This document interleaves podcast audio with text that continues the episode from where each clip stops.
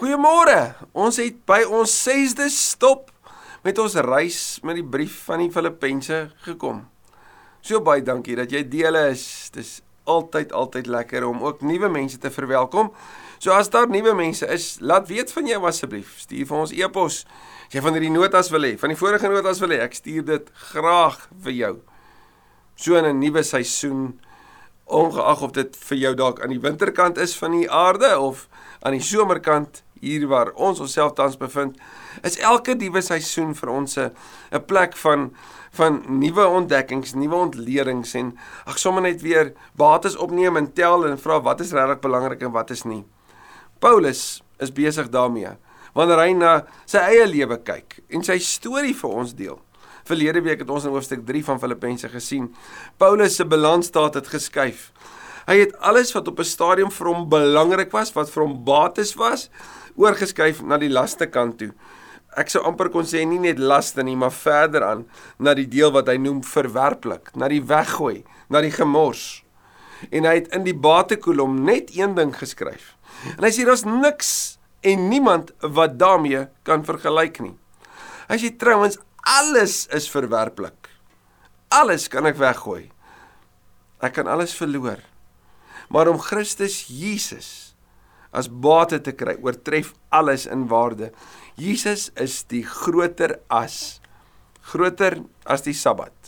Groter as Melchisedek, groter as Abraham, groter as Moses, groter as die grootste offer, groter as die hoëpriester. Jesus is die groter as Jesus is die enigste offer.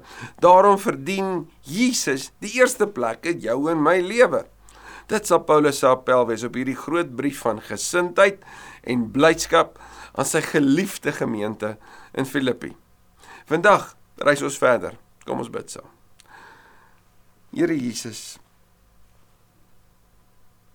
Ek bid so dat ons vandag iets van Paulus se oë kan sien wanneer hy daar in die tronk van Rome skryf oor sy perspektief op U. Dat ons iets sal hoor van sy hart wanneer hy vir die gemeente in Filippi kom sê maar kyk na my lewe. Kyk na my voorbeeld en kom deel in die vreugde wat ek hier beleef. Ek dink as hulle na sy lewe kyk Here dan sou hulle gedink het hoe hartseer. Hoe tragies. Hoe alleen. Daar ver in Rome skryf hy vir ons om ons aan te moedig. Seker sekerlik moet hy op 'n plek wees van teleurstelling Help ons asseblief om vanuit u woord Paulus se se perspektief te sien en nie te hoor wat u ook vanuit u woord vir ons wil sê op die perspektief vir ons eie lewe ook vir ons eie wedloop. Dankie vir hierdie beeld van die wedloop. So in 'n tyd in die wêreld waarin ons weer lees van maratonne en hoor daarvan en stories sien en foto's sien. Ag neem ons terug asseblief vandag hier in ons eie wedloop en dit waarmee ons besig is. Ons eer U in Jesus se naam. Amen. Filippense 3, ons lees vanaf vers 12. Ek sê nie dat ek dit al alles het nie. Paulus het voorheen gesê al wat hy wil doen is hy wil Jesus ken. Hy wil die krag van Christus se opstanding ondervind deur gelyk te word aan Christus ja selfs in sy dood. Dis sy wens. Maar nou sê hy daai wens is daar in die toekoms. As hy hier na sy lewe nou kyk, sê hy ek is nog nie daar nie. Hy sê ek sê nie dat ek dit al alles het of die doel al bereik het nie. Later sê hy vir Timoteus skryf dan 2 Timoteus 4. Hy is by die eindpunt. Sy dood is voor die deur. Hy's reg om die om die wenstreep te bereik. En onthou mooi asseblief altyd ook dat daar ander dele in die Bybel is in die Nuwe Testament is wat ons motiveer om vas te byt en aan te hou Ek dink byvoorbeeld aan Hebreërs 12 wat ook hierdie beeld van 'n stadion vol gelowiges wat ons aanmoedig om klaar te maak dat ons daai ook in gedagte moet hou wanneer ons hierna moet kyk.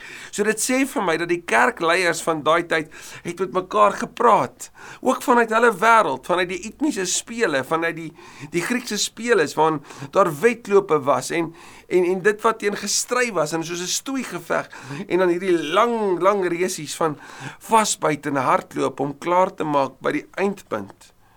Want dit help nie ek hardloop die eerste 3 rondes goed en ek hardloop nie die 4de ronde goed in 'n 1600 meter in 'n myl nie. Ek moet al vier rondes goed hardloop en klaar maak. So dit help ons om te weet hulle het daai beelde gehad en hulle het mekaar daarmee gemotiveer om ook vir die gemeentes, vir die gelowiges te sê maar hou jou oog op Christus. Paulus gebruik dit ook nou. Hy sê ek sê nie dat ek dit al alles het nie of ek dat ek al die doel bereik het nie. Hy sê maar ek span my in om dit alles myne te maak omdat Christus Jesus my reeds syne gemaak het. Kyk mooi wat sê Paulus. Die rede vir hoekom hy homself inspann is omdat hy reeds iemand sin is. Simon Sinek skryf dat vir jou en my om in hierdie wêreld betekenis te kry, het ons nodig om die rede vir hoekom ons dit doen te vind. Hy sê find your why and you'll understand your how. Vind jou hoekom. Hoekom wil ek stry? Hoekom wil ek voortgaan? Hoekom wil ek volhard? Hoekom wil ek vasbyt wanneer dit moeilik is? Wanneer die uitdagings baie is? Wanneer my krag min is? Paulus sê ek wil dit doen omdat ek reeds syne is. Kyk mooi. Hy sê nie ek span my in sodat Christus my syne kan maak nie. Want dan is dit wetsonderhouding en hy het in die vorige gedeelte van Filippense 3 gesê dis nie moontlik nie. Sal dit nooit bereik nie. Dis 'n futiele oefening. Moet dit nie op jou eie probeer doen nie. Jy was nie veronderstel om dit so te doen nie. Romeine 7 sê Paulus, God red my. Ek kan dit nie op my eie doen nie. So hier sê hy nee. Hoekom span ek my in? Want ek wil dit alles myne maak want ek is reeds syne. Hy praat van verhouding, hy praat van nabyheid. Hy sê ek wil daar kom waar Jesus is, want hy sê ek is klaar syne. Hoor jy dit? Hardloop asof jy klaar syne is want jy is. Moenie hardloop sodat jy syne kan word nie. Hardloop vanuit gerusheid. Dis so belangrik. Wanneer Jesus in Lukas 10 die disippels uitstuur en hulle kom terug, die 72, en hulle is vol blydskap oor al die goed wat hulle beleef het. Dan sê hy vir hulle, Moenie net bly wees oor alles wat jy gele gesien het nie. Maar wees bly omdat julle name in die boek van die lewe staan. sien? Wees bly op wat julle reeds is. Paulus sê ek sien so uit want my redding het gebeur. My roeping deur Christus het gebeur en my reis is nog onvoltooid, maar is op pad daarheen waar ek reeds 'n plek het. Broers, ek verbeel my nie dat ek dit alles al het nie. Weer sê ek's nog nie daar nie. Ek's nog nie klaar nie. Maar een ding doen ek. Ek maak my los wat wat agter is en ek strek my uit na wat voor is. Nou wat leed in die Bybelse tyd het net een rigting gehad waarop hy gefokus het en dit was vorentoe. Hy het nie bly terugkyk nie. Hy het nie wat agter is saamgevat nie. Hy het vorentoe gehardloop. Hebreërs 12 sê in vers 3 terwille van wat die vir die vreugde wat vir hom in die vooruitsig was, het Jesus die kruis verduur. Hou hom voor oë. Dan gaan julle nie moeg word en uitsak nie. So kyk vorentoe. Jesus het deur die dal van doodskade weer gekyk na wat vir hom wag. Daarom was hy bereid om dit alles te verduur. Paulus sê dis wat hy doen. Hy kyk na wat voor is en hy maak hom los van wat agter is. En weet julle hoe ironies is dit? Want weet julle hoe 'n Jood geleef? met sy rug na die toekoms toe. 'n Jood het nie geleef met die oog op die toekoms nie. Nee, hy het vanuit die verlede gesê ek is deel van die Exodus, die uittog. Ek is deel van God se verbondsvolk. Ek is deel van die Torah, ek moet die wet onderhou. En omdat ons die Torah, die wet gekry het, moet ek dit onderhou want dis wat deel is van my storie. So dit gaan nie oor waartoe ek gaan nie, dit gaan oor wat met my gebeur het, wat in my verlede lê. Paulus het in hoofstuk 3 se eerste deel gesê dit wat voorheen vir hom 'n bate was is nou vir hom skibalon dis verwerplik hy sny dit uit so Paulus draai sy perspektief vanaf die verlede na die toekoms wanneer ek en jy deur trauma gaan is dit ook baie keer ons uitdaging ons bly terugkyk Ons vra hoekom en waarom en wat. Weet julle wat help die Nuwe Testament ons? Dit help ons om te draai na 'n wat nou.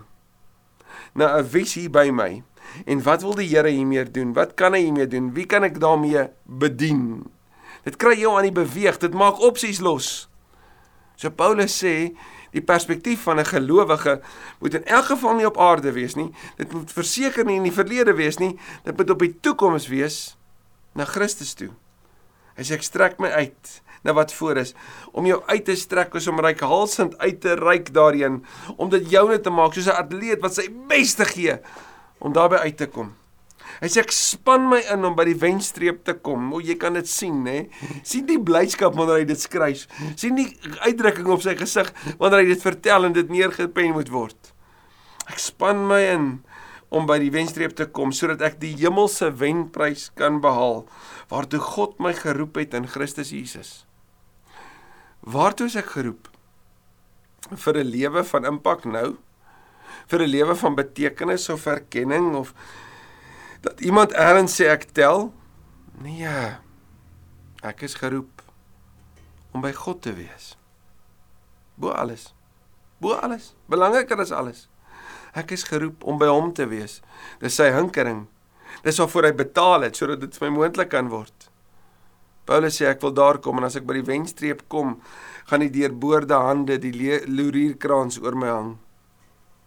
Wanneer dit alles myne is, omdat ek daar uitgekom het. Want dit is God se roeping in my lewe. Ons almal wat geestelik volwasse is, moet hierdie gesindheid hê. Dis 'n fokus op Jesus, nie op diself nie. 'n Fokus op Jesus, nie op my omgewing nie. 'n Fokus op Jesus, nie op die verlede nie. Dis verby. Dis agter. Ek maak my los daarvan. En as enige van julle in enige opsig anders daaroor dink, en ek wonder nogal die anders daaroor, gaan dit dalk oor die punt van die lewe, gaan dit oor die rol van wetsonderhouding of wat ook al? Kyk wat sê Paulus. God sal ook hierin aan julle die regte insig gee. Want sien, Paulus kom sê jou oog moet op Jesus wees, nie op mense nie. Wanneer Jesus in Matteus 6 praat dan dan sê hy dat die Fariseërs bid op die straathoek en hulle doen dinge sodat ander kan dink hulle is so godsdienstig, so toegewyd. Hulle haleluja's is vir almal te sien. Dan sê Jesus hulle het hulle prys klaar weg, beloning klaar weg. Paulus sê nee, dit moet hier binne wees. My toewyding moet aan Christus wees en my begeerte moet wees om by hom te wees. Dis die fokus. Dis die punt. En as jy anders daaroor dink, sê Paulus, eintlik in wese is jy nog nie geestelik volwasse nie. Hy sê want almal wat geestelik volwasse is, se fokus is Jesus alleen. Jesus alleen. In elk geval sê Paulus, laat ons koers hou op die pad waarmee ons tot hier toe gekom het. En wat se pad is dit? die pad van die kruis, dieselfde gesindheid agter Christus aan, van onder na bo, die fokus op die toekoms. Wees my navolgers broers en let op mense wat lewe volgens die voorbeeld wat ons vir julle stel. Wat sê Paulus? Wie jy volg, tel. Die mense waarmee ek en jy onsself omsingel, die groepe waarvan ons deel is, die gesprekke waarvan ons deel is, het 'n impak en ons moet baie mooi let op wie dit is. Na wie luister ons? Wie se woorde weeg ons? Wie stel ons onsself aan bloot wat ons al hoe meer kan vorm na Jesus toe? Of is ons in 'n groepie wat ons dalk wegvat van hom af? 'n Groepie wat ons dalk in versoeking lei, wat ons fokus wegvat van hom af. Paulus sê let mooi op en kyk mooi. Ja, omsingel jou en omring jou deur mense wat navolgenswaardig is. En wat se navolgenswaardig? die navolging van Jesus soos Paulus, Timoteus, Epafroditus, Lukas en dies meer gemodelleer het. Paulus sê let mooi op. Ek het dikwels vir julle al gesê en tot my verdriet moet ek dit nou weer herhaal en nou beweeg Paulus vanaf wat hy as 'n positief as 'n pa herhaal het na 'n negatiewe waarskuwing wanneer hy praat oor die dwaalleraars. Hy sê daar is baie, onthou julle die kinas, die die die die rondloper honde wat soos dwaalleraars mense wil verwar, net wil moeilikheid maak, wat wil fokus op die besnydenis en glad nie op die evangelie nie. Hy sê ek moet dit herhaal. Daar is baie wat as vyande van die kruis van Christus leef. Nou dis ironies, nê? Nee, dat iemand homself as 'n gelowige kan voordoen maar 'n vyand van die kruis is. Daarom is dit nodig dat ek en jy wakker sal wees. In 2 Korintiërs 11, daarvan vers 14 en 15, sê Paulus dat die Satan hom voordoen as die engel van die lig en daarom moet ons nie verbaas wees as sy kinders, sy volgelinge dit ook doen nie. So Paulus sê gelowiges moet wys wees, wakker wees en let op mense wat vyande van die kruis is. Jy moet jou omsingel met mense wat navolgingswaardig is en hierdie moet jy vanaf weg bly. Paulus sê die verderf is hulle einde. Die maag is hulle god. Hulle skande is hulle trots. Hulle is aardsgesind. Soos daai fariseërs van Matteus 6 wat net so fokus op hulle en dat almal dink hulle is goed. Hulle fokus is op die hier en die nou en hoe dit vir my kan werk en hoe ek my begeertes kan bevredig. Hoe hierdie wêreld vir my kan werk en hoe ek al hoe meer genot kan kry. Dis mense wat ook die evangelie so op 'n manier sal verdraai dat dit gaan oor asof dit net oor my gaan. Dis hulle wat die voorspoedverse vat en dit maak asof dit die enigste deel van die Bybel is wat waar is. Maar as jy pas op vir hulle. Want hierdie mense is vyande van die kruis. Want hulle maak dat mense nie die woorde van neem jou kruis op en volg my ernstig opneem nie. Mense wat dink dat wanneer ek God aanneem as my Here en my verlosser, gaan dit alles oor my en my gemaak. Ek gaan glad nie hoef te verander nie. Ek het darem 'n hemelse punching ticket wat ek kan sê ek het hom. Hulle sê pas op vir hulle. Want dit is verwarring en is nie waar nie. Maar ons, nou praat hy van die getroue gelowiges Die gelowiges van die kruis wat navolgingswaardig is wat met die gesindheid van Jesus leef. Ons is burgers van die hemel. So ons het 'n nuwe identiteit en daarom as Paulus as 'n burger van die hemel, dit is van 'n ander koninkryk, tans gevange is binne in Rome, dan maak dit sin. Dat hy sê maar almal weet ek is hier omdat ek in Jesus glo, want ek is 'n burger van 'n ander koninkryk. So as hierdie koning my gevange hou en ek verhoor gaan word en ek dalk selfs my lewe gaan gee, is dit omdat ek deel is van 'n ander koninkryk, maar jy kan dit nie van my af wegvat nie. Hy sê hierdie hemel waarvan ons burgers is, van waar ons ook die Here Jesus Christus as verlosser verwag. Hoor wat sê Paulus? Ons is reeds daar. Ons is reeds burgers. Ons lywe moet nog net daar kom. Ons verwag hom as verlosser, die een wat ons gaan kom bevry, wat ons gaan kom haal, een wat aan die kom is. Waarmee eindig Openbaring 22? Die Gees en die bruid wat sê kom en elkeen wat dit hoor moet sê kom. Elkeen wat die water van die lewe wil hê, verniet, moet dit kom kry. Hy wat dit alles getuig sê ja, kom gou. Amen. Kom Here Jesus. sien Paulus sê dis ons perspektief. Da. Nie die hier en nie nou nie. Ons leef met dit. En dan vers 21, deur die krag waarmee hy alles aan homself en alles is alles en almal aan homself onderwerp soos 'n magtige Here en 'n vors. Daai krag, so sal hy ons nederige liggame verander om so sy verheerlikte liggaam te wees. Vanaf Goeie Vrydag na die dood, na opstanding Sondag, na die lewe, na die hemelvaart, na die ewige heerlikheid. Wanneer Jesus sê ek gaan hom vir julle 'n plek gereed te maak, is dit die woorde van 'n bruidegom. Hy sê wanneer dit klaar is, dan kom ek om julle te haal sodat julle kan weet waar ek is. Dis die woorde van 'n bruidegom. En intussen is die bruid besig om haar voor te berei vir 'n bruilof. En die bruidegom kom om sy bruid te kom haal. Leef ek en jy met hierdie gesindheid? Leef ons met hierdie verwagting, met hierdie diep begeerte? Kom Here Jesus. Kom haal my. Ek wil by U wees. Hierdie aarde en al sy verleidelikheid is niks. Niks kan opweeg teen U nie. En Paulus sê volg my voorbeeld. Mag ek en jy daarop let. Mag ons let op die mense wie se woorde ons toelaat in ons ore. Die mense wie se optrede ons onsself aan blootstel. Mag ons onsself vra, is dit die mense wat ek saam mee gaan wees in die hemel? Of is dit dalk mense wat dit gaan mis? Deur wie omring ek my? Aan wie stel ek my bloot? Paulus sê wees baie versigtig en let op Christus. Amen. Kom ons bid. Here, ek dink aan daai ou bekende lied bly volhard soos atlete. Dis God wat die wenstreep bepaal.